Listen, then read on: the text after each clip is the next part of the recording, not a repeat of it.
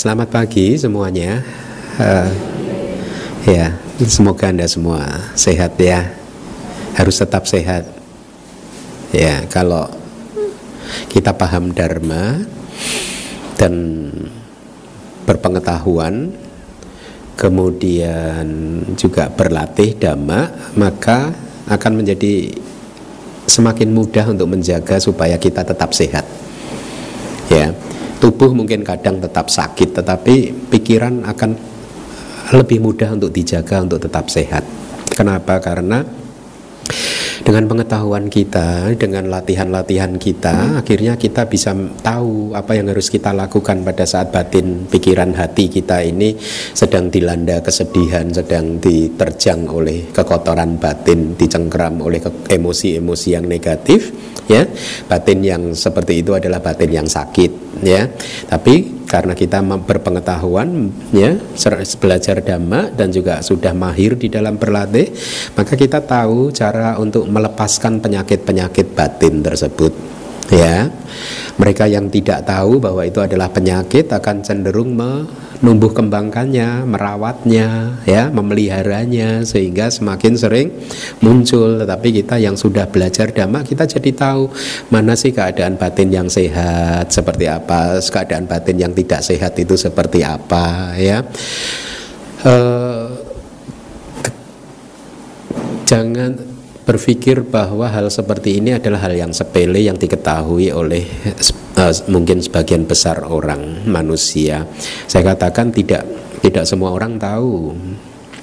Bahkan mungkin mayoritas manusia di muka bumi ini tidak tahu bahwa pada batin mereka setiap saat itu dicengkram oleh penyakit penyakit-penyakit yaitu emosi-emosi negatif. Kenapa? Semata-mata karena mereka tidak kenal, tidak paham apa yang dimaksud emosi-emosi yang negatif tersebut ya sehingga karena tidak kenal akhirnya cenderung dia memunculkannya terus. Mereka yang kenal dhamma, mereka yang berlatih dhamma itu bebas dari stres, bebas dari depresi dan ini kan Anda bisa melihat kehidupan kami eh, para biku.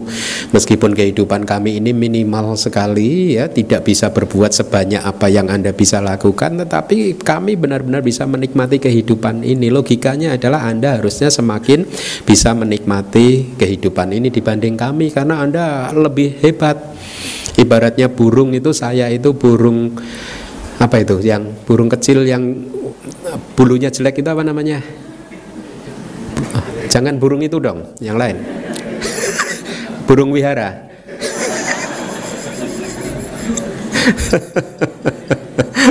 Burung apa namanya ya yang ceri-ceri itu. Hah? kalau bahasa Jawanya burung kacer gitu. Ya bulunya nggak indah kami anda itu burung merak bulunya indah sekali Paham tidak? Ya. Karena Anda ini ini di dalam suta dikatakan Anda seperti burung merak.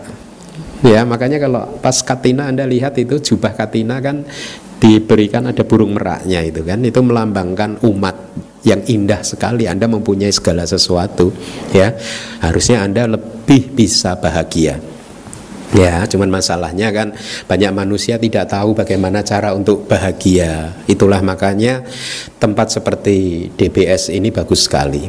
Ya, mari kita lihat kenapa tempat seperti DBS ini bagus. Di hari Sabtu kita mempunyai kelas meditasi dari jam 4 sampai jam 6, berarti 2 jam. Kemudian kelas abidama dari jam 7 sampai jam 9 berarti Sabtu 4 jam menyediakan waktunya. DBS ini memberikan kesempatan kepada Anda dari uh, dalam dari, di hari Sabtu 4 jam untuk meditasi dan belajar dhamma. Kemudian di hari Minggu seperti ini paling tidak dua setengah jam kan ya dari jam 9 sampai setengah 12 untuk belajar mendengarkan dhamma. Berarti 4 jam tambah dua setengah berapa? 6 setengah jam. 6 setengah jam di dalam satu minggu. Kalau satu hari itu 24 jam dikalikan 7 7 hari berarti berapa? 140 tambah 28 168 jam. 168 jam. Berarti tadi berapa enam setengah jam. Enam setengah jam dibagi satu enam delapan jam kali seratus persen. Berarti kira-kira lima persen ya? Kira-kira ya? Lima persen dari waktu anda anda sempatkan hadir ke DBS terlalu banyak enggak? Lima persen loh ya tetapi lima persen yang anda berikan di dalam hidup Anda untuk datang ke DBS untuk bermeditasi dan mendengarkan dhamma, ini bisa mengendalikan kehidupan Anda secara keseluruhan sehingga tetap positif. Tidak? Ya, hanya 5% saja Anda spend, Anda habiskan waktu Anda di dalam satu minggu, di dalam berarti kalau kita tarik secara global lagi, di dalam kehidupan Anda hanya sediakan saja waktu Anda 5% dalam keseluruhan kehidupan Anda. Kalau Anda hidup selama 50 tahun, berarti 50% dari 50 tahun Anda gunakan untuk mendengarkan dhamma dan berlatih meditasi. Nah, 5% yang tersebut ya, itu sangat powerful karena akan membuat Anda kembali masuk ke jalur yang benar, mempunyai orientasi kehidupan yang benar, tidak salah arah. Betapa banyak manusia yang salah arah coba. Menghabiskan waktunya hanya untuk bekerja, bekerja, bekerja, bekerja, bekerja gitu. Banyak manusia yang terlambat menyadari bahwa ternyata hidup itu tidak hanya belajar, meraih gelar S1, S2 atau bahkan mungkin S3 kemudian bekerja mengumpulkan uang banyak manusia yang hanya berpikir sesempit itu bahwa kehidupan hanya itu saja, bahwa kebahagiaan hanya itu saja. Mereka tidak tahu bahwa tidak bisa berpikir thinking out of the box bahwa ada kebahagiaan yang lain yaitu apa? Kebahagiaan pada saat memberikan apa yang kita punya ini kepada orang lain apa saja? Waktu saya saya berikan kepada anda ya. Tujuan saya tujuan kehidupan saya menjadi biku pertapa saya berikan kepada anda ya. Apa saja saya berikan kepada anda? Pengetahuan saya saya berikan kepada anda. Hidup saya saya berikan kepada anda ya. Sudah mulai berpikir tidak lagi untuk saya saya saya saya tapi saya kita sudah harus berpikir tentang semua makhluk, semua makhluk, semua makhluk, semua makhluk. Nah, berapa banyak manusia yang menyadari bahwa ini adalah sebenarnya sumber kebahagiaan yang stabil, yang sejati. 5% dari satu minggu ini akan membuat Anda yang masih berada di jalur yang salah, orientasinya salah, Anda kembali masuk lagi ke jalur yang benar dan mempunyai orientasi yang benar kembali. Jadi 5% tidak banyak. Oleh karena itu, kita harus terus bertekad teguh untuk bisa semakin apa uh, memperdalam pengetahuan dan juga komitmen untuk berlatih dhamma apalagi kalau kita ingat bahwa kehidupan ini sudah berputar-putar ya kehidupan kita yang sekarang bukan kehidupan yang pertama dan belum tentu kehidupan ini adalah kehidupan yang terakhir kalau kita belum menjadi seorang arahat, kita setelah ini masih harus ada lahir lagi. Nah, harga yang harus dibayar oleh karena kelahiran itu apa? Tangisan, ratap tangis, keluhan, stres, depresi, kemarahan, kebencian, semua jenis penderitaan itu hmm, seharusnya sudah cukup. Kalau kita yang belum mampu mengingat kehidupan-kehidupan masa lampau di kehidupan yang sekarang pun seharusnya sudah membuat kita merasa cukup. Semua stres, depresi, kesulitan kehidupan, ratap tangis, kesedihannya harusnya sudah cukup. Jangan sampai terulang lagi ya oleh karena itu pengetahuan dhamma menjadi penting sekali. Nah belajar dhamma belajar Tripitaka kadang ada materi-materi yang sulit. Anda harus bersabar ya. Ada materi yang kalau dhamma itu gampang semua orang hari ini sudah jadi arahat. Kan tidak tidak ada Buddha bercerita bahwa kehidupan sudah berkalpa-kalpa kalau dengan angka sekarang sudah bermiliar-miliar tahun. Artinya apa? Kita ini nggak lulus-lulus loh selama bermiliar atau bertriliun tahun sampai hari ini belum lulus loh. Itu artinya apa? Pelajarannya sulit. ya enggak? Jadi kita harus mengulang lagi, mengulang lagi, mengulang lagi sampai hari ini mengulang lagi, mengulang lagi. Di masa lalu Anda sudah jenuh, bosan menikah, eh diulangin lagi sekarang.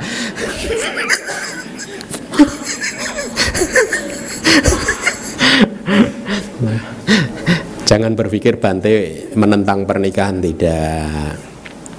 Pernikahan bukan sumber penderitaan ya tapi bagaimana anda mengelola menyikapi kehidupan perkawinan mengelola kehidupan rumah tangga anda? Itu yang akan menentukan kebahagiaan dan penderitaan. Jadi bukan karena perkawinannya tetapi perilaku kita Ya, oleh karena itu mendengarkan dhamma penting sekali supaya apa? Kehidupan rumah tangga Anda menjadi semakin positif, menjadi semakin baik karena apa? Banyak pandangan yang masih bengkok-bengkok kemudian diluruskan dengan pengetahuan dharma. Nah, pelajaran dhamma kadang sulit, tetapi mau tidak mau itu harus Anda pelajari supaya Anda mampu semakin mengenali diri Anda sendiri ya.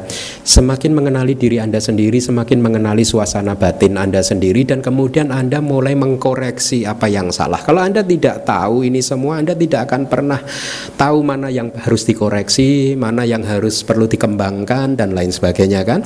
Nah salah satu dhamma yang harus terus menerus dikembangkan harus terus menerus anda pahami kemudian terus menerus anda praktekkan dan anda kembangkan adalah lima daya pengendali ya yang ada di layar.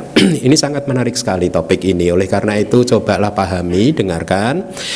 Kemudian cobalah praktekkan dengan disiplin yang baik. Bahasa palinya pancindria terdiri dari dua kata pali yaitu panca itu lima, indria. Indria itu adalah indra. Indra itu adalah di orang India sana, di orang Hindu itu mengenal banyak dewa kan ada Trimurti ada juga namanya dewa Indra gitu ya. Jadi panca indria itu berarti kira-kira lima raja gitu ya. Tapi diterjemahkan menjadi daya yang pengendali. Kenapa? Seperti seorang raja kan? Seorang raja itu kan mempunyai kekuasaan penuh bisa mengendalikan wilayah kerajaannya kan? Nah lima indria ini juga lima raja yang mempunyai kekuasaan penuh untuk mengendalikan wilayahnya masing-masing ya. Nah eh, batin anda hati anda itu sangat kompleks sekali ya sedemikian kompleksnya sehingga uh, kita perlu mempelajarinya secara penuh. Nah, sebagian dari kompleksitas batin itu apa yang disebut lima daya indria. Ini sebenarnya adalah lima energi di dalam hati di dalam batin kita yang berbeda ya yang harus anda kenali ya. Ada banyak sekali energi-energi di dalam batin kita. Dan inilah mengapa Buddha mengatakan bahwa variasi dari kesadaran kita ini jumlahnya sudah tidak terbatas. Bahkan di dalam suta dikatakan saya kira-kira seperti ini Buddha mengatakan saya tidak melihat variasi makhluk hidup sebanyak binatang. Binatang itu variasinya banyak sekali kan? Ya. Dan kemudian Buddha mengatakan bahkan variasi binatang yang banyak sekali itu muncul diciptakan oleh batin kita. Ya oleh karma kita dan lihat saja kalau di sini ada berapa ratus manusia, ini masing-masing mempunyai bentuk yang berbeda. Ini yang menciptakan batin loh. Karma itu batin kan, mental kan, fenomena mental kan. Jadi batin kita itu sangat kompleks sekali mampu membentuk wajah Anda, Anda, Anda, Anda masing-masing itu loh. Ya, kita adalah pembentuk tubuh kita, kita adalah pembentuk kehidupan kita sendiri kan ya nah karena sangat kompleks maka kita harus benar-benar mempunyai komitmen untuk mempelajari dan merealisasinya, melihatnya langsung melalui meditasi kita. Jangan hanya berhenti di belajar saja, tapi juga harus bermeditasi dan inilah mengapa DBS menyediakan kelas meditasi setiap hari Sabtu. Mari kita lihat definisinya. Daya pengendali atau indria atau raja atau indra atau bahasa indra itu bahasa Sanskerta, bahasa palinya indak ya tanpa r ya raja ya. Kata Indria itu berasal dari nama salah satu dewa Hindu yaitu dewa Indra atau dewa Inda jadi dewa Indra ini kalau di tradisi Hindu itu adalah dewa yang menguasai surga menguasai kayangan istilahnya gitu ya. Dewa yang mengatur cuaca ya. Jadi dewa Indra ini mempunyai kekuasaan untuk mengendalikan cuaca, untuk mempunyai kekuasaan untuk mengendalikan kayangan surga. Ya. Jadi logika inilah yang dipakai di dalam kitab suci kita bahwa di dalam batin kita juga ada lima indera ini lima dewa lima raja yang nanti menjadi raja di wilayahnya masing-masing jadi dengan demikian ya indria adalah daya yang mempunyai kekuasaan dan pengaruh serta mengendalikan wilayahnya masing-masing seperti dewa Indra yang berkuasa di surga dan dia mengendalikan hujan ya. Masing-masing dari lima indria itu mencapai tujuannya, mempunyai tujuannya masing-masing seperti layaknya seorang raja atau seorang presiden dia mempunyai visinya masing-masing bagaimana membentuk negara atau kerajaannya itu uh, cara dia uh, mencapainya adalah ya dia mempunyai visi maka dia harus menjadi uh, ber, perilaku seperti seorang raja yang menguasai wilayah kerajaannya masing-masing gitu. Jadi sekali lagi ini adalah lima energi batin yang menjadi penguasa di dalam batin kita di dalam aktivitasnya untuk mencapai tujuannya masing-masing. Sehingga pada saat dia muncul menjadi raja, maka energi batin yang lain itu harus tunduk kepada dia.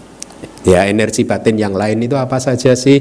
Cinta kasih, kewelas asihan, kebijaksanaan dan lain sebagainya harus tunduk kepada dia, patuh kepada dia demi mencapai apa yang dicita-citakannya. Ya. Nah, mari kita lihat wilayah masing-masing dari kelima indera tadi. Lima daya pengendali tersebut bahasa palinya adalah sadindria. Ini terdiri dari dua kata sadha plus indria. Kalau disingkat menjadi sadindria ya. Anda sudah pernah mendengar sadha kan? Berarti ini adalah raja yang bernama sadha gitu. Atau daya pengendali yang disebut sadha atau keyakinan gitu. Atau cukup kalau bahasa populer kan raja sada gitu ya. Wiriyindriya itu wirya plus indriya berarti raja wirya atau daya pengendali yang disebut wirya. Satindriya sati plus indriya berarti raja yang bernama sati atau daya pengendali yang disebut sebagai sati atau perhatian penuh. Samadhi indriya samadhi plus indriya. Berarti raja yang disebut samadhi atau raja samadhi namanya ya. Daya pengendali yang disebut konsentrasi. Dan yang terakhir adalah panyindriya panya indriya ya. Raja yang disebut panya sama. Terjemahannya kira-kira seperti itu. Berarti ada lima sada wirya sati samadhi panya Lima ini adalah energi batin. Energi batin kita yang lain masih ada, banyak sekali. Ada 52 dikurangi 5, berarti berapa? 47 lagi. Selain cita atau kesadaran, ya. Jadi ada banyak, tapi hanya lima inilah ya di dalam konteks body pakya dhamma, dharma dhamma yang kondusif untuk mencapai pencerahan, ya kita masih dalam topik uh, melanjutkan topik dhamma-dhamma yang bermanfaat untuk pencerahan ya. Nah, salah satunya dari 30 ada 37 dhamma yang bermanfaat untuk pencerahan, dari 37 ini ada lima raja ini, ya. Nah, eh, mari kita bahas keyakinan atau sadda. Sebagai raja atau daya pengendali, keyakinan akan mencapai tujuannya seperti seorang raja dengan karakteristiknya kebulatan tekad, adik moka, ya meskipun adik moka itu adalah energi batin yang lain tapi ini hanya satu contoh apa satu definisi saja bahwa pada saat sada ini menjadi raja maka di hati kita itu ada kebulatan tekad untuk melakukan sesuatu. Kita mau melakukan sesuatu ya yang baik tentu saja itu karena adanya sada, ada kebulatan tekad di sana. Nanti saya akan bahas satu persatu. Wirya atau energi sebagai daya pengendali sama dia sebagai raja ya mencapai tujuannya dengan karakteristik mengerahkan tenaga ya. Jadi berusaha pantang menyerah ya berjuang dengan sangat gigih, bersemangat menggebu-gebu walaupun hujan eh, jam 9 pagi tetap berkumpul di DBS. Nah, itu ada wirya di sana, ada semangat yang pantang menyerah, gigih sekali. Ya, 5% dari hidup saya akan saya dedikasikan untuk belajar dan bermeditasi. Ya, ya maka ada ada perjuangan di sana, ada semangat di sana. Ya. Kemudian yang ketiga adalah perhatian penuh sebagai daya pengendali. Dia mencapai tujuannya seperti seorang raja dengan karakteristik pelayanan hadir setiap saat. Jadi kalau kita sedang energi batin kita memunculkan perhatian penuh, maka pada saat itu perhatian penuh itu akan hadir setiap saat untuk mengingatkan kita mengingatkan kita tentang hal-hal yang baik. Misalkan mengingatkan kita tentang bagaimana mengembangkan kualitas hati yang baik yang belum muncul. Bagaimana terus menumbuh kembangkan mempraktekkan kualitas hati yang baik yang sedang muncul saat ini dan lain sebagainya. Atau berperhatian penuh hadir setiap saat mengingatkan hati kita untuk uh, tidak memunculkan emosi-emosi yang negatif atau perhatian penuh yang hadir setiap saat mengingatkan hati kita untuk segera pada saat hati kita dikuasai oleh emosi yang negatif kita harus segera berusaha untuk melepaskannya ya. Tidak memelihara emosi-emosi tersebut. Nah sati ini harus seperti pelayan raja. Rajanya adalah hati kita. Dia harus terus mengingatkan hati kita untuk sesuatu yang baik dan menghindari yang tidak baik ya. Nah, yang keempat, konsentrasi samadhi sebagai daya pengendali, karakteristiknya adalah kalau benar-benar samadhi ini berkembang, maka tiada lagi apa pun di dunia ini yang bisa mengganggu kita. Inilah mengapa mereka yang bermeditasi begitu mereka mengembangkan samadhi, mereka bisa duduk berjam-jam. Meskipun dunia ini ada katakanlah ada ada piring pecah di sampingnya tang tong tang tong dia tetap aja duduk tenang tidak bergerak. Kenapa? Karena dia sudah tidak terganggu dengan suara-suara tersebut. Piring pecah suara manusia apa pun langkah kaki tidak akan sempat mengganggu dia ya. Bahkan suara petir seperti Buddha itu bodhisattva ya. Uh, uh, ya pada saat bermeditasi ada suara petir juga tidak mendengarnya lagi, tidak terganggu dengan suara petir tersebut. Ya, Anda pernah berpikir tidak kenapa ada seseorang bisa bermeditasi selama katakanlah 3 4 jam tidak bergerak? Apakah berarti uh, buat dia ya dia tertidur atau apa enggak enggak dia tetap sadar dia tahu ada suara tetapi suara-suara tidak mengganggu dia dia ada uh, mungkin bau apa bau-bau tertentu yang masuk ke hidung dia dia tahu tetapi bau tersebut tidak mengganggu dia. Panca inderanya masih berfungsi objek apa pun masih masuk ke panca inderanya tetapi objek tadi tidak sempat tidak bisa lagi mengganggu dia. Inilah samadhi ya. Mereka yang bisa duduk lama mereka tahu samadhi betapa samadhi pada saat berkembang dunia sudah tidak bisa mengendalikan dia lagi.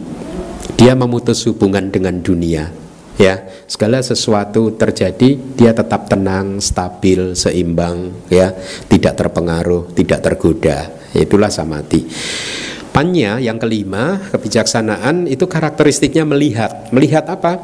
Melihat bahwa ternyata lima agregat atau melihat bahwa ternyata tubuh jasmani, materi dan juga batin ini ternyata apa? Anicca, tidak kekal, penderitaan dan anata bukan diri. Inilah yang dilihat oleh Panya bahwa ternyata segala sesuatu itu hanyalah anicca, duga dan anatta ya. Inilah fungsi atau tujuan dari latihan kita. Anda harus terus uh, ingat-ingat di dalam hati Anda bahwa tujuan kita hidup adalah untuk melihat bahwa semua kehidupan kita ini hanyalah anicca, duga dan anatta Ya, ini tujuan praktek kita. Ya, ini yang harus kita realisasi. Ini yang harus juga Anda realisasi bahwa Anda harus tahu bahwa kehidupan ini apa pun itu juga selama ini samsara, maka dia adalah anicca, duga dan anatta di mana pun. Ya, mau di Jakarta, mau di Palembang, mau di kota-kota yang lain semuanya anicca, duga, anatta. Ya, mau jadi profesi ini, profesi itu semuanya anicca, duga dan anatta yang menikah, yang tidak menikah tetap saja anicca duga dan anatta. Ya, yang punya anak, yang tidak punya anak sama saja anicca duga dan anatta. Oleh karena itu jangan membanding-bandingkan kehidupan Anda dengan kehidupan orang lain karena pada prinsipnya sama saja. Tidak ada ceritanya rumput tetangga lebih hijau dari rumput kita sendiri. No no no. Anda nggak pernah melihat dari dekat sih ya Coba masuk ke rumah mereka, Anda tahu tiap hari cekcok, cekcok, cekcok, cekcok. Anda masih ingat cerita istri yang komplain padahal kehidupan mereka sudah cukup bahagia, tiba-tiba istrinya komplain, papa itu lo nggak romantis sama sekali. Gitu. Masih ingat ya cerita itu ya? Suaminya menjawab nggak romantis apa? lihatlah saya itu kadang tuh mama tuh pengen papa itu seperti suami sebelah gitu sebelah rumah itu loh kenapa itu lihat tuh setiap kali dia mau berangkat kerja dia selalu mencium istrinya gitu. Suaminya menjawab, ya saya sebenarnya juga pengen sih mas, cuman papa nggak kenal dia.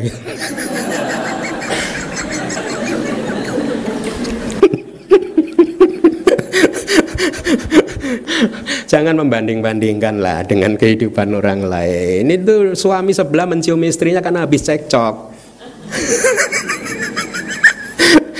tiap hari mencium loh, iya berarti tiap hari cekcok. Makanya untuk menetralisir itu cium pipi kanan, cium pipi kiri itu Anda nggak pernah tahu apa yang terjadi sesungguhnya di kehidupan internal mereka kan. Semua sama saja anicca duka dan anatta. Ya maka dengan demikian karena anda tahu bahwa kehidupan anda sama persis dengan kehidupan orang lain anda mulai treasuring mulai apa merawat menghargai kehidupan anda menjaga kehidupan anda mengelola kehidupan anda sebaik-baiknya sama saja. Tidak ada bedanya. Kehidupan anda dan kehidupan saya sama. Saya juga terkena karakteristik anicca duka dan anatta. Sama gitu ya. Nah itulah lima uh, energi batin yang disebut raja yang mengendalikan wilayahnya masing-masing dan mempunyai sifat visi. Seperti seorang presiden kan harus mempunyai visi raja harus mempunyai visi. Negara Indonesia mau dibawa ke mana? Kerajaan ini mau dibawa ke mana? Nah panca indria juga mempunyai visi kira-kira seperti itu yang masing-masing sudah saya uraikan tadi ya.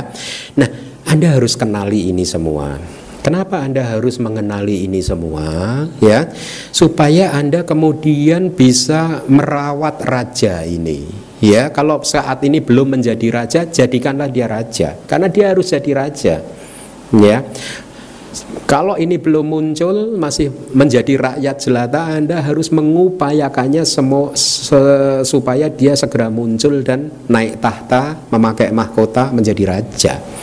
Nah untuk bisa memunculkan dan menaikkan dia ke tahtanya memakaikan dia mahkota Anda harus paham apa saja sih kelima energi batin yang disebut panca indria Kelas kita pagi hari ini hanya akan membahas energi batin yang pertama, raja yang pertama yang disebut sadda indria. Ya. nah, Sada Indria, raja yang bernama Sada, raja yang bernama keyakinan atau daya pengendali yang disebut keyakinan. Nah, apa yang dimaksud dengan keyakinan di sini? Keyakinan yang dimaksud di sini di dalam konteks panca indria adalah keyakinan terhadap Buddha, Dhamma dan Sangha, ya. Keyakinan kita bisa berbeda-beda ya keyakinan anda dan teman anda suami istri anda terhadap Buddha Dhamma dan Sangha bisa berbeda-beda. Keyakinan seseorang yang belum tercerahkan juga berbeda dengan keyakinan orang yang sudah tercerahkan. Kenapa? Berbedanya di mana? Keyakinan orang yang sudah tercerahkan sotapana sekadagami anagami arahata itu disebut keyakinan yang sudah sempurna Kenapa?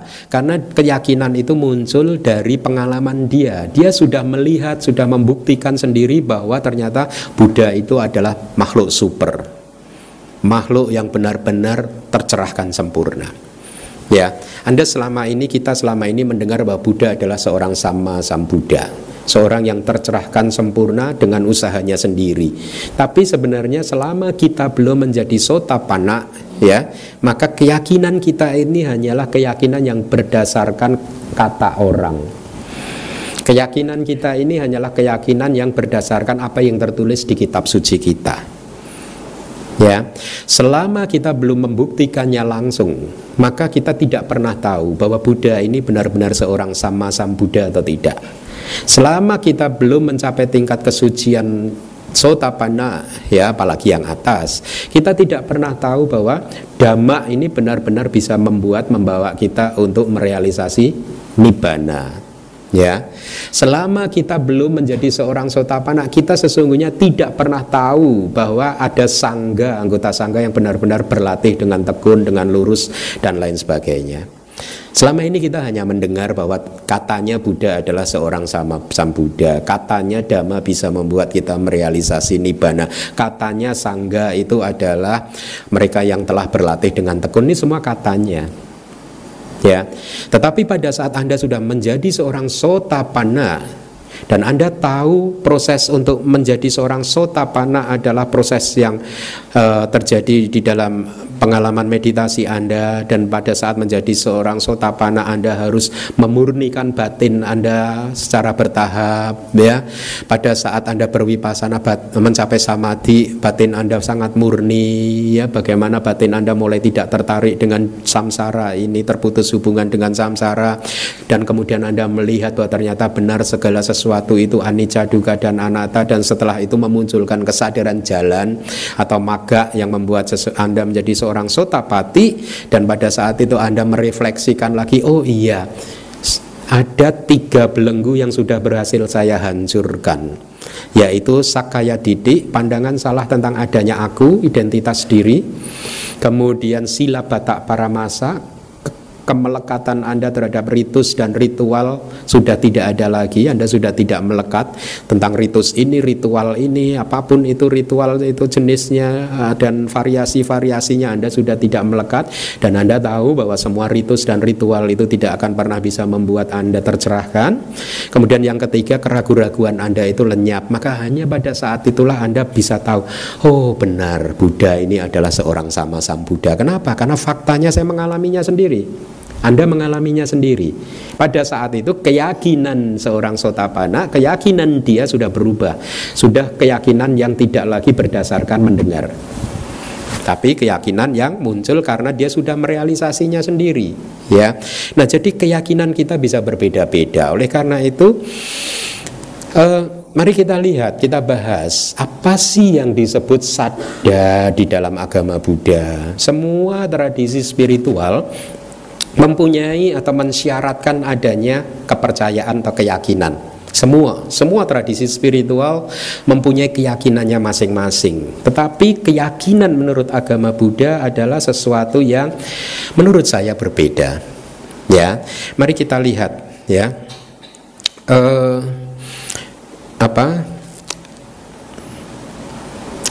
Saya tadi mengatakan keyakinan seorang yang belum tercerahkan dan keyakinan seorang sotapana berbeda. Keyakinan seseorang yang belum tercerahkan itu ibaratnya keyakinan seperti ini loh. Kalau sekarang saya mengatakan uh, uh, apa di tangan saya ini katakanlah ada permen, Anda yakin nggak? Tapi karena Anda tahu biku nggak boleh berbohong, Anda yakin kan? Nah, percaya, iya Bante yakin, percaya Bante, betul tidak? Hah? Kan biku nggak boleh bohong nih, ya. Kalau ini Bante Keminda sudah mengatakan di tangannya ada ada permen berarti pasti benar, betul tidak? Ya, Anda nggak melihatnya langsung loh bahwa di tangan saya ada permen ini loh, betul tidak? Ya, ya. Tapi Anda percaya aja kan? Main percaya aja kan? Karena Anda percaya saya nggak mungkin bohong kan? Hah? Tapi faktanya apakah benar-benar di tangan saya ada permen atau tidak? Belum tahu kan? Jadi sekarang ini definisi yang bagus. Keyakinan seseorang yang belum tercerahkan, keyakinan yang tidak disertai oleh kebijaksanaan adalah keyakinan yang kira-kira seperti ini. Anda hanya bisa menggunakan kata keyakinan ini terhadap sesuatu yang Anda sendiri sesungguhnya belum melihatnya secara langsung. Paham tidak? Anda belum membuktikannya ini ada permen atau tidak tapi Anda yakin. Ya ini keyakinan orang yang belum melihat sendiri, keyakinan orang yang belum tercerahkan. Kalau sotapana, keyakinannya adalah dia udah melihat. Tapi ini pura pura-puranya ada permen gitu ya. Oh iya ada permen. ada permen beneran. Dia udah melihat ada permen. Jadi ini sudah bukan keyakinan biasa, tapi keyakinan yang benar-benar sudah dimuncul dari pengetahuan. Ya nanti akan kita lihat. Nah, uh, di dalam Buddhism menarik sekali. Ini dari kitab kita.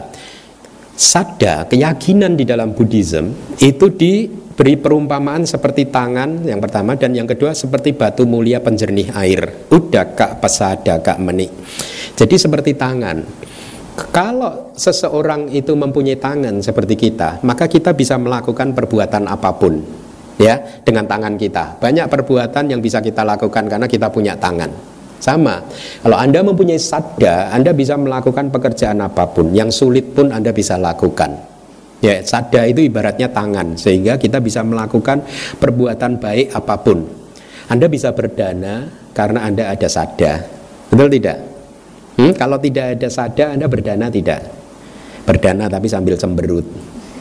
Ya, seseorang bisa melepaskan kepemilikannya, melepaskan kemelekatannya karena ada sada. Kalau tidak ada sada, mereka tidak bisa melakukannya itu. Anda mau melatih sila Anda ya tidak men, tidak membunuh makhluk hidup dan lain sebagainya karena ada sada. Kalau Anda tidak ada sada, Anda akan melanggar semua sila tersebut. Jadi sada itu seperti tangan. Tanpa sada Anda tidak akan pernah bisa datang ke DPS tanpa sadar Anda tidak akan pernah mau mempunyai komitmen, tekad. Ya tadi kan karakteristiknya tekad, komitmen untuk belajar setiap hari Minggu dan berlatih meditasi setiap hari Sabtu. Komitmen-komitmen tersebut muncul karena ada sadar. Sedikit banyak ada sadar di dalam hati kita yang membuat akhirnya kita bergerak yang membuat akhirnya kita mau melakukan sesuatu belajar dhamma dan juga praktek meditasi itu perumpamaan sada yang pertama nah yang kedua ini lebih menarik Sada di dalam Buddhism itu seperti batu mulia penjernih air. Apa itu batu mulia penjernih air? Jadi di masa lalu, 2600 tahun yang lalu, di zaman uh, waktu itu di India itu menurut ceritanya ya di teks-teks kita mengatakan ya, ini cerita dari teks kita lah berarti cerita dari teks yang usianya udah 2600 tahun yang lalu mungkin cerita ini lebih tua dari dari apa yang tertulis di teks jadi ada seorang raja karena zaman itu masih primitif ya, dia mempunyai batu mulia. Pada saat raja ini traveling ya, bepergian uh, ke wilayah-wilayah kerajaannya ya. Uh, di hari-hari tertentu mereka kelelahan dan harus berhenti di hutan dan biasa uh, sesuatu yang sangat penting vital di dalam kehidupan adalah air minum kan. Jadi biasanya rombongan raja akan berhenti di tengah hutan di mana di sana ada di dekatnya ada sungai. Tapi karena sungainya ini kebetulan habis dipakai untuk melewati kuda kereta raja, kira dalam cerita tersebut tadi menyeberang di sana, maka airnya itu keruh ya. Pada saat raja ingin minum dia akan meminta pengawalnya untuk sila ambilkan air gitu. Tapi airnya keruh raja tidak apa ambil saja air minum buat saya. Pada saat airnya sudah diambil air yang keruh kemudian batu permata tadi dimasukkan ke air tadi dan tiba-tiba airnya jernih. Pada saat saya membaca kitab ini saya berpikir ini mungkin apa batu apa kaporit ya air anda itu di, di rumah anda kalau di, dimasukkan batu kapurit kan kotorannya mengendap semua kan? Ya kira-kira lah kira-kira seperti itu. Ini batu kapurit ya. tapi di, di, di teks disebut mani mani itu manikam. Batu manikam batu mulia ya. Penjernih air. Ini sada itu seperti itu. Nah ini perumpamaan yang bagus. Menurut Buddhism kalau sada kita itu sedang muncul, maka batin kita jernih. Ya. Batin kita jernih. Tidak ada lagi emosi-emosi negatif yang bisa muncul atas nama sada. Sehingga menurut agama Buddha, kalau sada kita benar-benar muncul, kita tidak akan pernah bisa menyakiti orang lain. Hmm? Kalau sadar kita terhadap Buddha, Dhamma, dan Sangha ini kuat, maka meskipun ada seseorang menghina ajaran Buddha, menghina agama Buddha, kita marah tidak? Kita tidak akan marah. Kita akan tersenyum. Kalau orang mengatakan agama Buddha, agama kuno, agama salah, kita akan tersenyum. Mungkin kamu benar. Bikin aja happy, mungkin kamu benar. tapi biarkan saya memilih yang salah ini. ya. Jadi lihat, sada yang benar itu tidak akan pernah membuat Anda menjadi manusia yang jahat.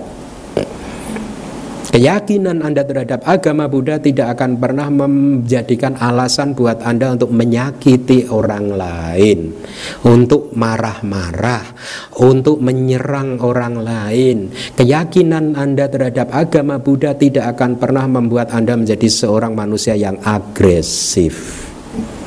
Tidak akan pernah bisa. Karena sada sifatnya adalah menjernihkan menjernihkan dari kekotoran batin. Semua kekotoran batin, kemarahan, kebencian, nafsu apa pun itu emosi-emosi negatif mengendap.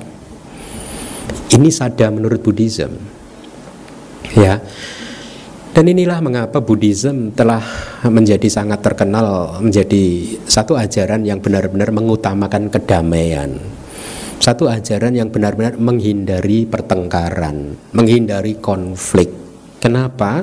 Karena ya kita tahu kalau kita terlibat di dalam konflik, Buddha saja mengatakan kalau seandainya Anda para biku ya ada gerombolan penjahat menyiksa kamu, memukuli kamu sampai tubuh kamu patah-patah sedemikian sakitnya.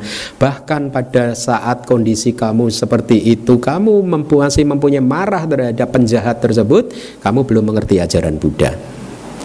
Lihat. Artinya apa? Kita berusaha untuk tidak memunculkan kemarahan kita. Kita berusaha untuk tidak memunculkan emosi-emosi negatif kita. Bahkan pada saat mungkin dunia sedang menyakiti kita, kita akan terus menjaga diri kita supaya kita tidak membalas kemarahan dengan kemarahan. Inilah Buddhism, inilah sada kita. Ya, oleh karena itu harus anda kembangkan sada ada. Lalu Bante kadang saya itu kok masih jengkel ya kalau ada orang jelek-jelekin agama Buddha berarti Anda belum punya sadar. Lu pu punya kok Bante belum, itu adalah pandangan salah.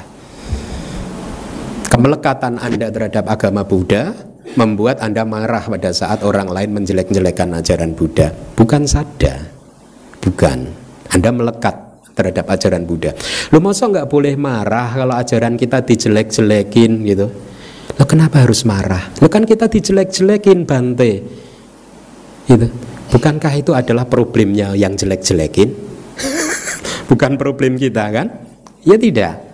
Kita harus sebaliknya mengembangkan karuna, compassion, kewelas asihan, kasihan loh dia yang menjelek-jelekan itu. Dia pasti menderita dengan menjelek-jelekan ini selama satu jam, dua jam menjelek-jelekan terus. Betul tidak? Sama kalau Anda menjelek-jelekan teman Anda, Anda menderita tidak? Huh? Makanya kita dilarang untuk bergunjing kan? Ya, latihan kita kan menghindari pergunjingan, menghindari fitnahan, ya, tidak untuk memfitnah teman kita, tidak untuk menjelek-jelekan orang kita. Lihat tidak? Jadi kalau agama kita di, dijelek-jelekan oleh orang lain apa? Semoga kamu bahagia, semoga kamu bisa segera keluar dari kesulitan kamu. Problemnya ada di dia. Kita harus mengembangkan meta kepada dia. Gitu. Ya, inilah sada di dalam Buddhism. Ya, sada tidak pernah menjadi alasan buat kita untuk marah terhadap orang lain. Sada tidak pernah menjadi alasan buat kita untuk apa? Memunculkan emosi-emosi uh, negatif ya oleh karena itulah di dalam Buddhism nantinya pada akhirnya sada harus seimbang dengan kebijaksanaan. Ya. Kalau sada Anda terlalu berlebihan Anda akan memunculkan kemelekatan. Hmm? Kemelekatan. Ya. Melekat terhadap ajaran Buddha, melekat terhadap apa pun sehingga pada saat apa yang Anda lekati itu diganggu Anda akan kehilangan keseimbangannya. Ya. Dan inilah mengapa Buddhism itu satu agama yang sangat fleksibel, ajarannya sangat fleksibel. Kalau seandainya nanti satu hari nanti ternyata katakanlah Buddhism mengajarkan alam kehidupan hanya ada 31 alam kehidupan kan di dalam samsara. Kalau ternyata nanti ilmuwan itu menemukan bahwa eh enggak loh alam kehidupan ternyata ada 50 alam loh. Apa yang harus kita lakukan? Oh iya. Kalau begitu kamu yang benar, teks kita yang salah. Kenapa? Karena ini hanya ajaran yang bersifat sampingan saja. Ajaran inti Buddha adalah pube ahang bikawe etarahica. Dukan cewa panyape mi duka saja. Nirodang wahai para biku dari dulu sampai hari ini yang saya ajarkan hanyalah penderitaan dan bagaimana bisa uh, apa melenyapkan penderitaan. Duka dan lenyapnya duka. Inilah ajaran Buddha. Inti sari ajaran Buddha hanya itu saja ya dan itu sudah diverifikasi oleh para arahat benar. Ya dan itu sudah diverifikasi oleh mereka yang berlatih di zaman sekarang bahwa ternyata benar dan itu sudah diverifikasi oleh logika kita bahwa oh iya duka. Kehidupan adalah duka. Karena apa? Muncul lenyap muncul lenyap terus. Tidak bisa dikendalikan. Ya dia berjalan sesuai dengan hukumnya masing-masing. Nah sadat dan panya tidak boleh tidak seimbang. Pannya itu kebijaksanaan. Ya. Karena kalau sadanya terlalu berlebihan akan memunculkan kemelekatan, ya efeknya kemelekatan. Kemudian kalau panyanya berlebihan, pengetahuan kebijaksanaan Anda, pengetahuan Anda terlalu banyak belajar, tapi Anda tidak punya keyakinan, Anda hanya belajar di rumah saja, tidak pernah berdana kepada sangga, makan pagi, makan siang, ya kemudian tidak pernah apa uposata, tidak pernah mengambil sila uposata, hari ini uposata kan, ya kemudian tidak pernah mungkin mempersembahkan apa uh, uh, bunga apa pun kepada Buddha ya kemudian hanya hanya belajar belajar saja artinya pengetahuan anda berlebihan tetapi sada anda tidak mengimbangi anda akan menjadi manusia yang cunning seseorang dia akan menjadi seorang yang licik Ya karena apa? Dia mempunyai pengetahuan, akhirnya pengetahuannya itu dibuatnya, dipakai dia untuk memanipulasi sesuatu, untuk membenarkan tindakan-tindakannya, ya. Pengetahuannya terlalu banyak, tapi sadanya kurang. Makanya sada dan kepengetahuan atau kebijaksanaan harus diimbangkan, seimbang. Tidak salah satu tidak melebihi yang lain, gitu ya. Nah, itu adalah sada. Mari kita lihat lagi ciri dari sada itu seperti kerumunan orang yang terinspirasi untuk menyeberangi sungai dengan arus deras setelah melihat seseorang yang lain telah melompat ke dan menyeberangi sungai tersebut. Artinya begini, ciri dari sada ini ibaratnya ada orang mau menyeberang sungai tapi ketakutan, ya. Tetapi dia sudah melihat nih ada temannya yang berani menyeberang, lompat menyeberang, berenang meskipun arusnya deras dan akhirnya sampai ke pantai seberang ya. Dia udah melihat akhirnya dia muncul sadar kan. Oh saya juga harus melompat. Dia akhirnya melompat menempuh perjalanan yang sama dan akhirnya bisa ke pantai seberang. Jadi poinnya adalah dia melihat contoh sudah melihat contoh. Oh Orang yang saya kagumi, saya dulu melihat contohnya seperti ini. Biku yang saya kagumi ada di di, di luar negeri itu yang saya kagumi, sangat bijaksana ya Orang yang bijaksana seperti ini aja mau menempuh kehidupan sebagai seorang biku, gitu. Sehingga akhirnya apa? Saya berpikir saya harus juga meniru dia. Saya harus lompat jadi biku juga. Dan dulu logika saya juga seperti ini. Beliau yang sangat bijaksana yang saya kagumi saja itu hormat kepada Buddha ya maka saya sudah bisa inference tarik satu dugaan bahwa Buddha ini pasti manusia yang luar biasa. Paham maksud saya? Di masa-masa awal kebikuan saya saya sangat mengagumi guru saya guru saya di luar ya saya berpikir beliau yang sebijaksana ini saja setiap pagi saya lihat bernama, apa uh, melakukan uh, persembahan kepada Buddha kemudian uh, apa uh, melakukan puja kepada Buddha ya pers, nama skara dan lain sebagainya saya langsung langsung berpikir beliau yang saya kagumi saja hormat kepada Buddha. Kemudian saya berpikir Buddha pastilah manusia yang jauh lebih luar biasa daripada beliau ya. Dengan demikian secara perlahan saya menumbuhkan sada. Ini kita sedang berbicara bagaimana menumbuhkan sada kita ya. Anda harus menumbuhkan sada Anda. Anda harus menumbuhkan keyakinan Anda kepada Buddha Dhamma dan Sangha. Kenapa? Karena kalau Anda tidak berjuang untuk menumbuhkan sada Anda Anda tidak akan terjun ke sungai untuk berenang untuk mencapai ke pantai seberang. Anda tidak akan pernah mau belajar dhamma, Anda tidak akan pernah mau berlatih dhamma ya belajar dan berlatih hanya akan terjadi kalau anda sudah mempunyai sada awal. Saya katakan sada awal. Untuk membedakannya lagi nanti dengan di akhir pembabaran saya sada akhir. Ya ada sada awal ada sada akhir ya. Jadi sekali lagi sada membuat batin kita menjadi jernih. Itu yang harus anda pahami ya kalau Anda benar-benar mempunyai sadar terhadap Buddha, Dhamma, dan Sangha, harusnya Anda sudah mulai mengkoreksi kesalahan-kesalahan di dalam kehidupan yang selama ini telah terjadi. Tidak ada alasannya Buddha mengajarkan membela Buddha, Dhamma, dan Sangha. Tidak ada alasannya. Tidak ada alasannya Anda nanti harus berdemonstrasi di sana membela Buddha, Dhamma, dan Sangha. Tidak ada. Ya, tidak ya Buddha Dhamma dan Sangha sudah sempurna seperti itu ya tidak perlu anda anda membelanya huh?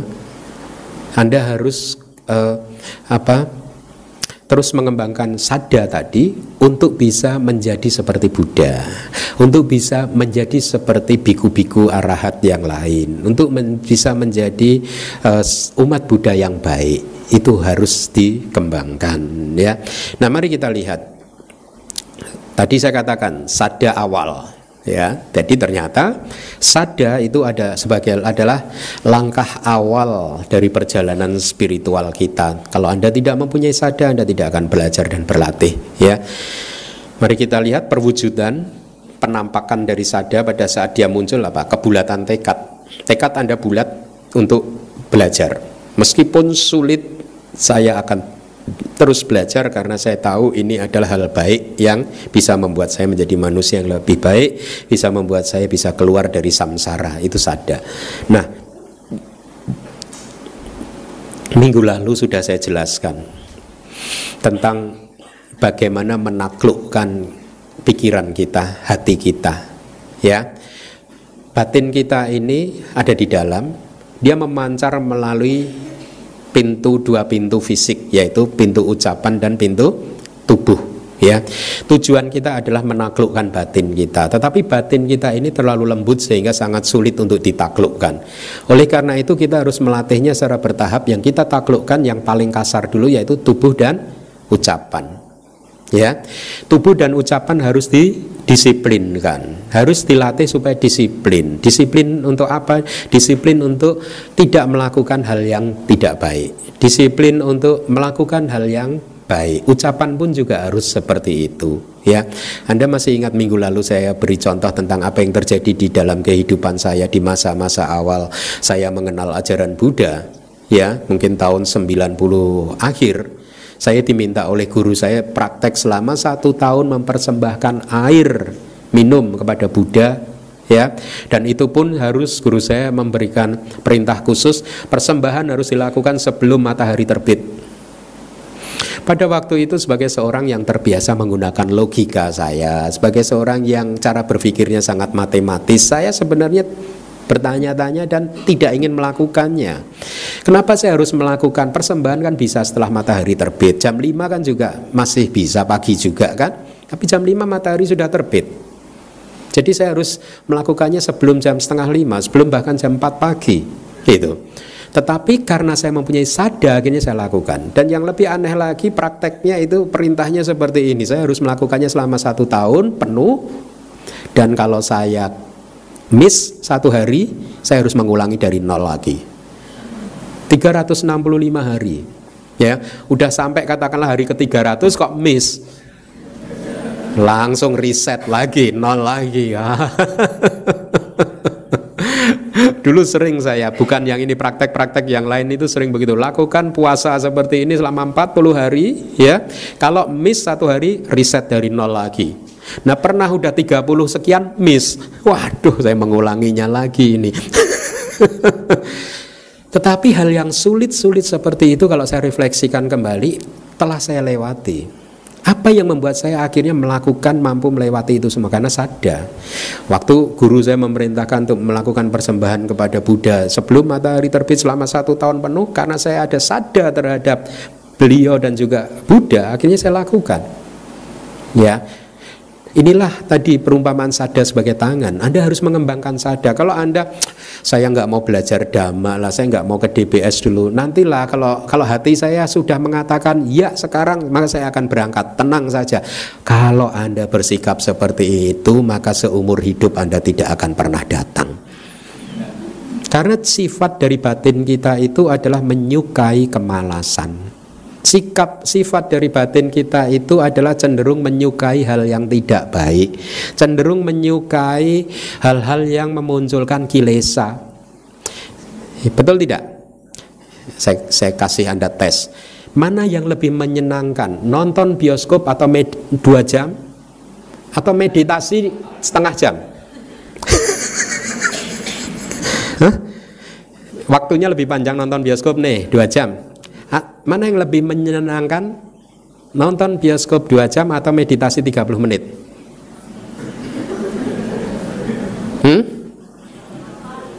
mana yang lebih menyenangkan ya pergi ke mall atau meditasi di DBS? Hah? Begitulah sifat dari batin kita, menyukai hal-hal yang tidak baik. Mana yang lebih menyenangkan, ngerumpi sama tetangga atau ikut Pak Baja?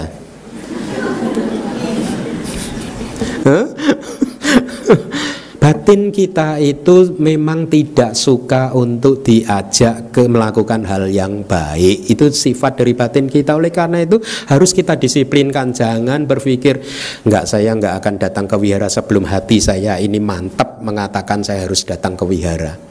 Saya di rumah juga bisa kok. Saya di rumah akan menjaga supaya tidak melakukan hal yang tidak baik. Hehehe. Jangan pernah berpikir Anda sudah tahu apa yang baik dan apa yang tidak baik. Emang Anda sudah tahu apa yang baik dan apa yang tidak baik? Hmm? Kalau Anda sudah tahu, Anda sudah di nibana sekarang. Hmm. Anda perlu Tripitaka sebagai sumber yang memberikan daftar kepada Anda mana yang baik dan mana yang tidak baik. Anda perlu mendengarkan dhamma, Anda perlu berlatih dan itu harus didisiplinkan. Jadi pada saat hati kita menolak untuk datang ke DBS, Anda bahkan harus melakukannya. Dilatih. Seperti saya dulu menolak, kenapa harus mempersembahkan minuman jam 4 pagi? Kan saya tahu kalau saya meditasi selesai jam 1 malam.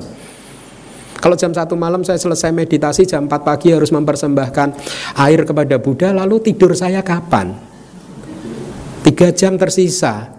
Bahkan karena sadar saya semakin uh, sangat kuat pada saat itu, saya memilih setiap malam tidak tidur. Demi supaya saya tidak miss jam 4 pagi. Sadar Batin menolak. Batin menolak. Batin belum siap. Tetapi saya disiplinkan tubuh saya, saya disiplinkan kaki tangan saya, saya disiplinkan ucapan saya. Saya persembahkan air ini kepada Buddha. Semoga kekuatan jasa kebajikan saya ini bisa mengalir membuat saya menjadi seorang biku pertapa yang segera cepat mungkin merealisasi nibbana dan saya dedikasikan semua kebajikan yang muncul dari perbuatan ini kepada semua makhluk Semoga semua makhluk berbahagia. Ucapan saya disiplinkan, meskipun hati menolak. Tidak apa-apa. Kita disiplinkan dulu ucapan, kita disiplinkan tubuh kita, baru setelah disiplin akan menjadi mudah untuk menaklukkan hati kita. Pada saat hati ini sudah takluk, maka ucapan akan disiplin secara lebih positif lagi, perbuatan tubuh akan disiplin lagi secara benar. Yang tadinya tidak benar menjadi benar sekarang. Inilah latihan Buddhis, Anda perlu disiplin yang kuat. Sila, sila itu apa sih? Sila itu susila, bertata susila. Bersusila yang baik, berperilaku yang baik.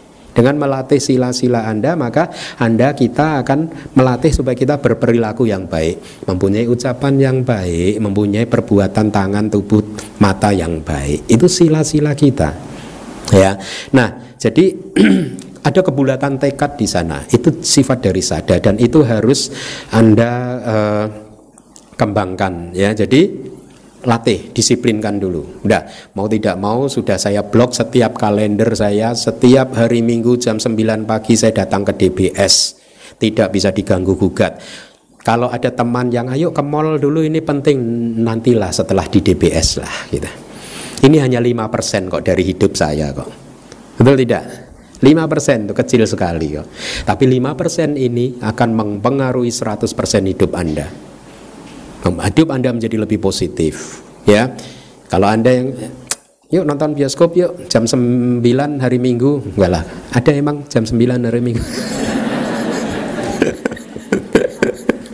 enggak ada ya Pokoknya jam hari Minggu jam 9 tidak bisa diganggu harus ke DBS. Disiplin. Disiplin. Dan hasilnya akan Anda rasakan. Kan kebanyakan manusia itu kan pengennya itu mencari jalan pintas kan. Hmm? Cari jalan pintas. Gimana supaya kehidupan saya aman, damai dan tentram gitu ya. Tolonglah Bante doain. Nah Bante Keminda nggak pernah doain saya sih ya. Makanya saya nggak bisa. No, kehidupan harus dibangun pelan-pelan. Anda harus membangun kehidupan Anda sendiri pelan-pelan dengan disiplin yang tinggi ya tubuh Anda harus Anda disiplinkan, ucapan harus Anda disiplinkan. Saya sering menginspirasi murid-murid saya.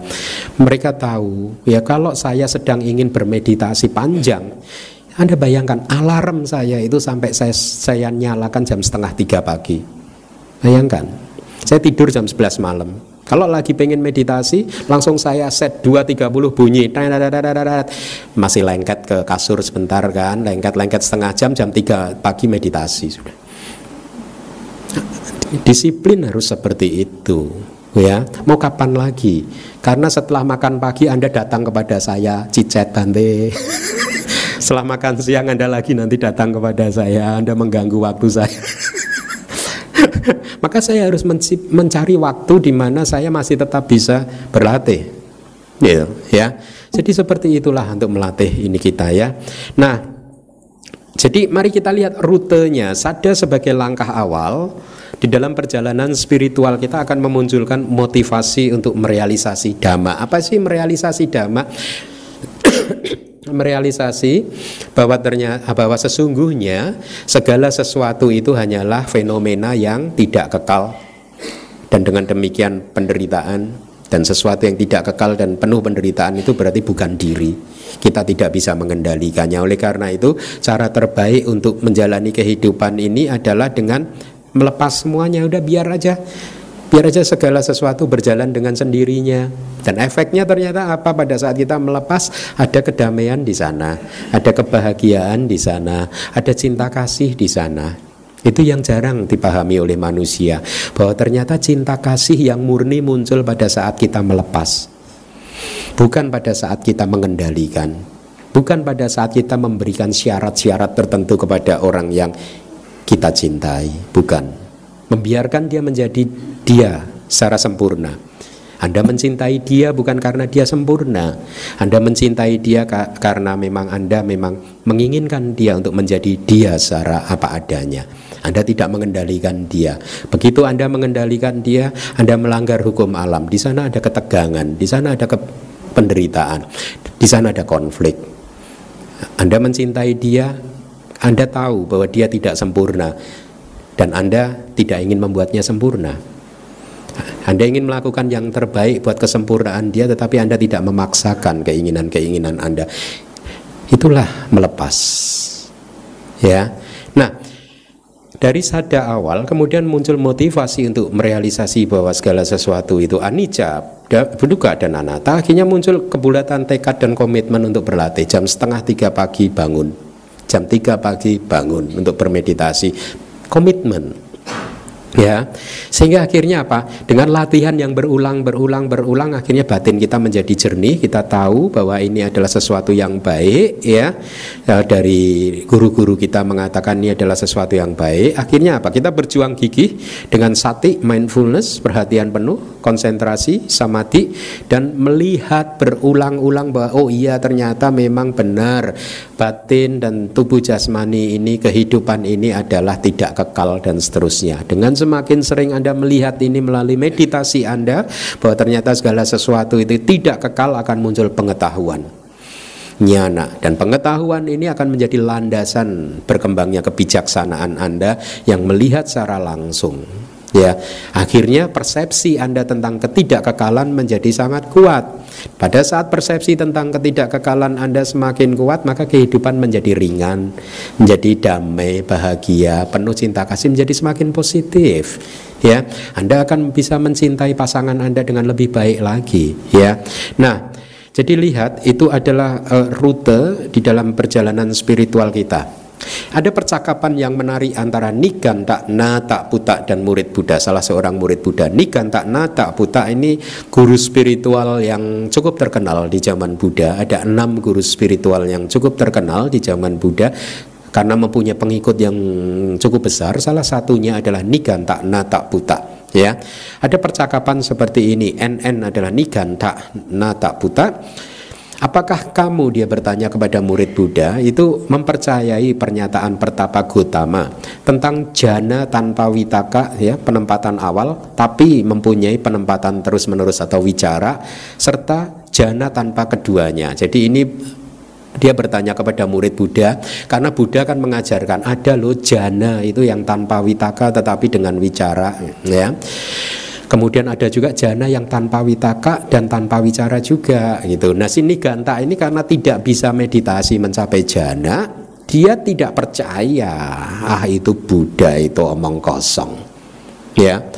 Makanya dia mencoba untuk mempermalukan murid Buddha ya di depan muridnya sendiri mempermalukan Buddha di depan muridnya Niganta Nataputa. Jadi pertanyaan jawab ini terjadi di tengah-tengah waktu waktu itu banyak murid-murid Niganta Nataputa yang mengelilinginya ya.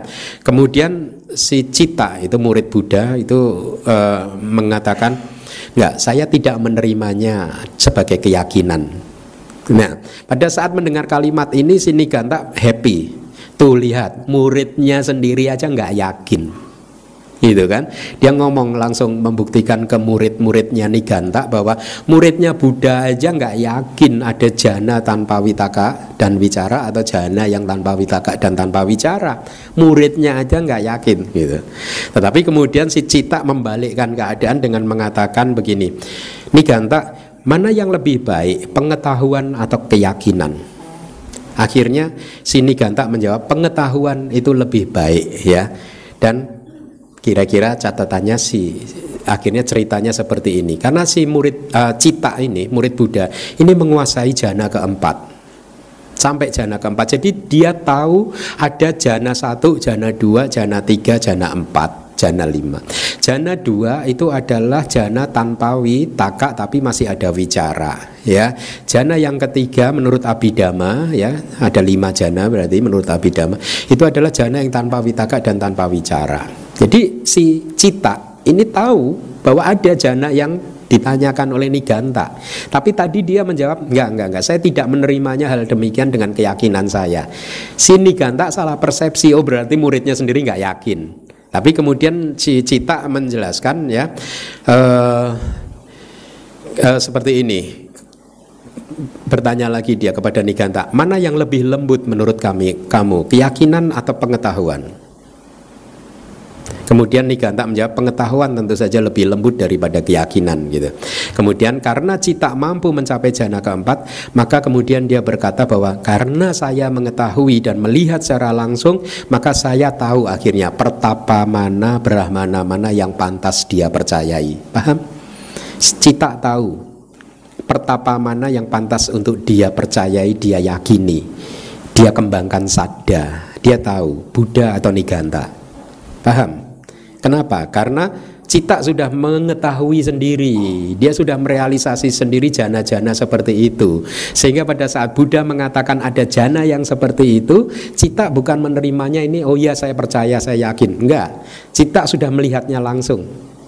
Ya, dan akhirnya dia tahu bagaimana membedakan Niganta dan Buddha.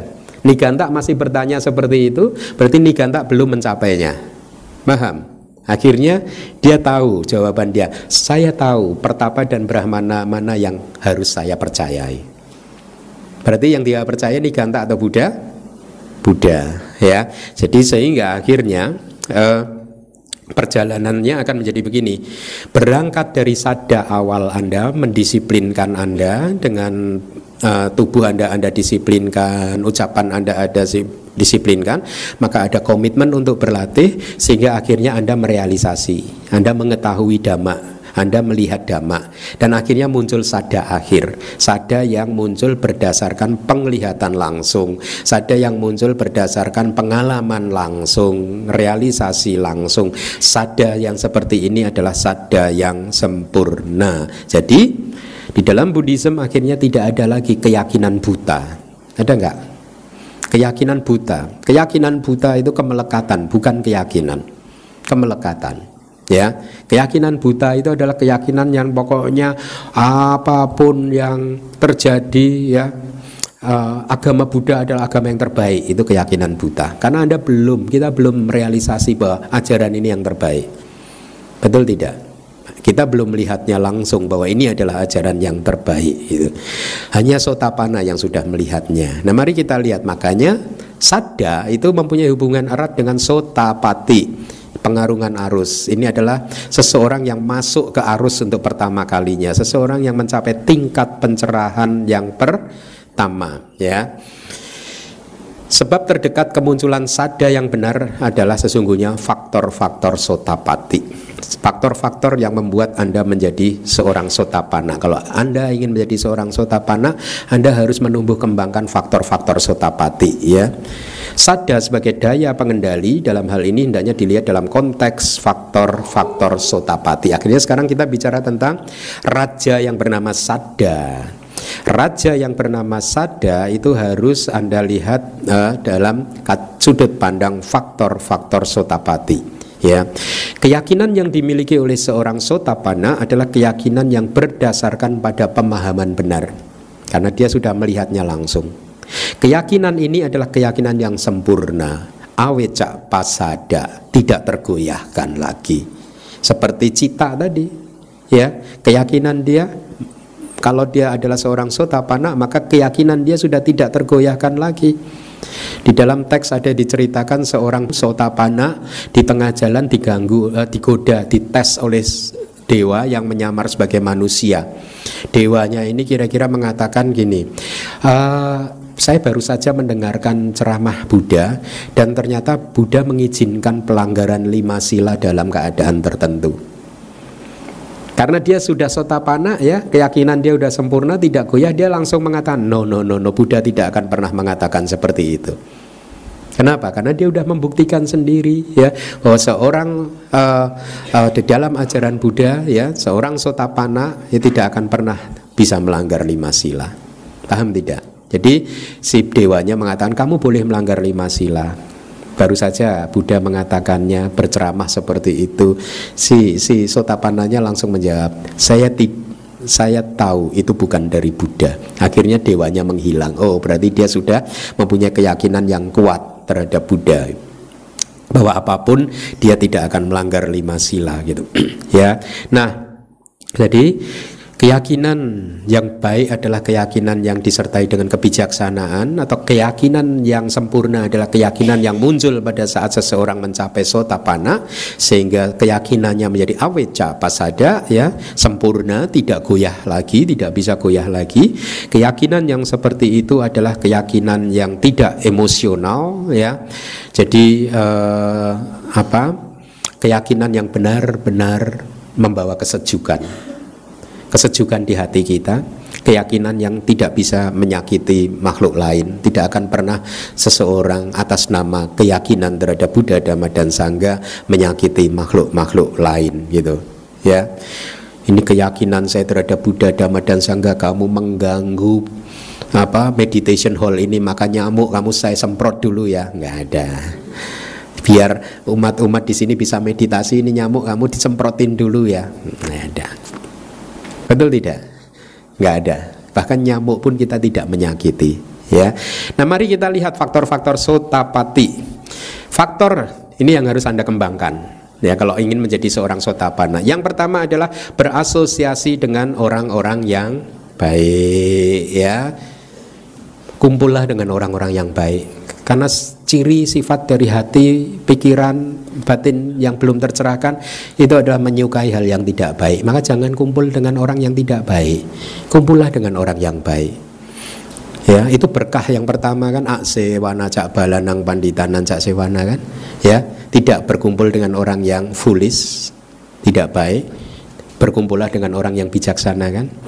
Anda pernah mendengar jokes ini enggak? Pada suatu hari ini jokes dari kawan saya dari Biku, teman saya yang kemarin hadir.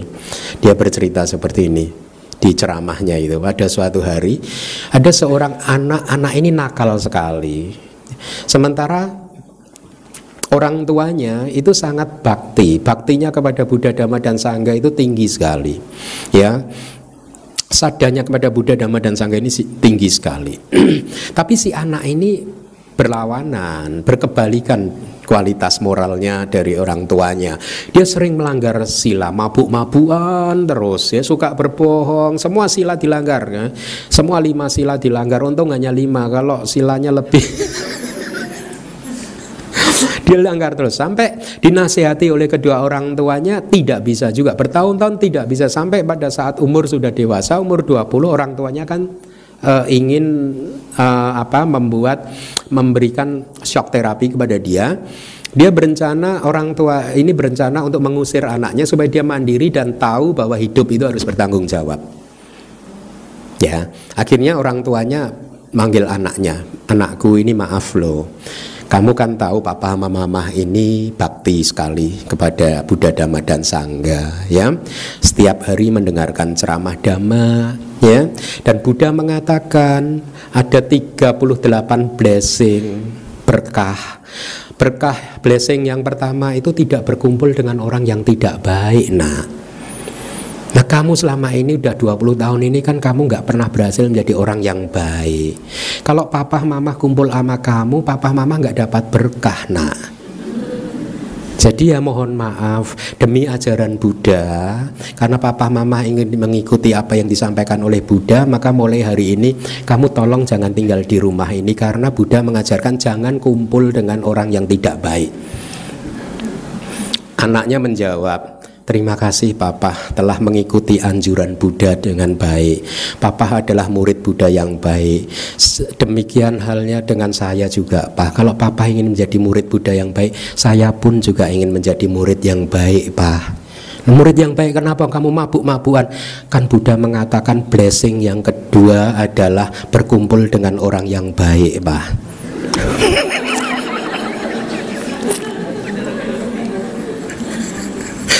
Karena papa dan mama adalah orang yang baik, maka izinkan saya untuk tetap di rumah sini untuk berkumpul deh.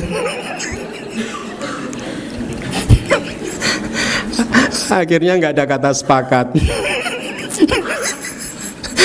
yang satu pengen nggak kumpul dengan orang yang tidak baik, yang tidak baik pengen kumpul yang baik. Jadi akhirnya berkabar Jadi berasosiasi, berkumpullah dengan orang-orang yang baik ya.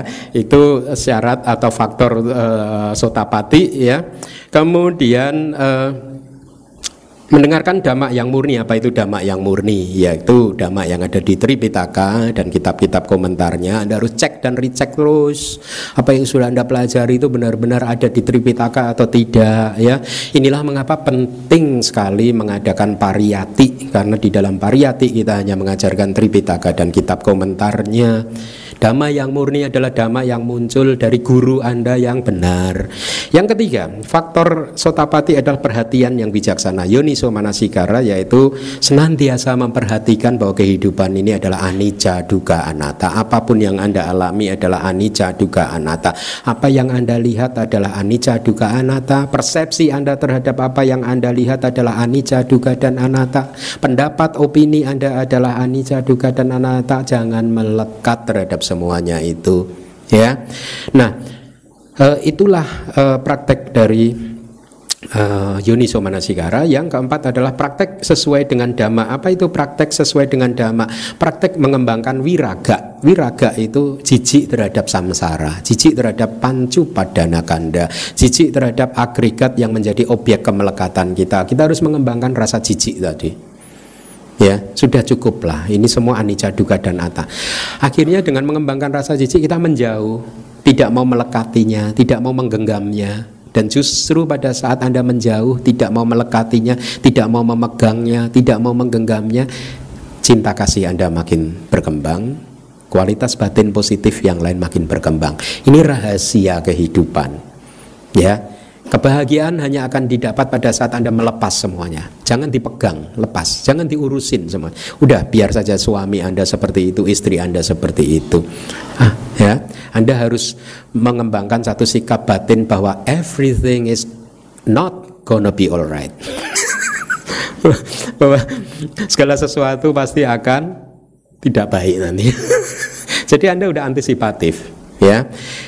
Praktek Uh, yang keempat adalah praktek ses, oh, yang keempat sesuai dhamma tadi mengembangkan wiraga, kemudian juga tetaplah fokus bahwa apa pun yang terjadi, apa pun yang anda alami, emosi anda, apa pun bahkan termasuk kebijaksanaan anda, cinta kasih anda itu adalah sesuatu yang anicca, duga dan anatta, ya.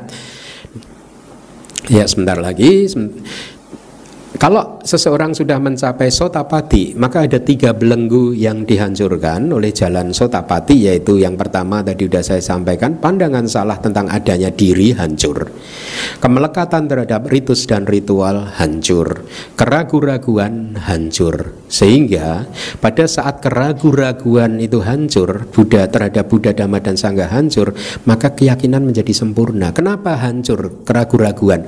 Karena dia sudah membuktikan sendiri dengan mengikuti petunjuk-petunjuk Buddha, dia bisa mencapai keadaan batin yang tenang, seimbang, damai, bahagia yang selama ini belum pernah dia rasakan.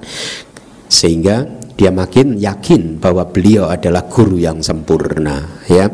Sehingga akhirnya keyakinan terhadap Tiratana menjadi keyakinan yang jernih, damai, menenangkan batin. Demikianlah uraian tentang sadha atau keyakinan.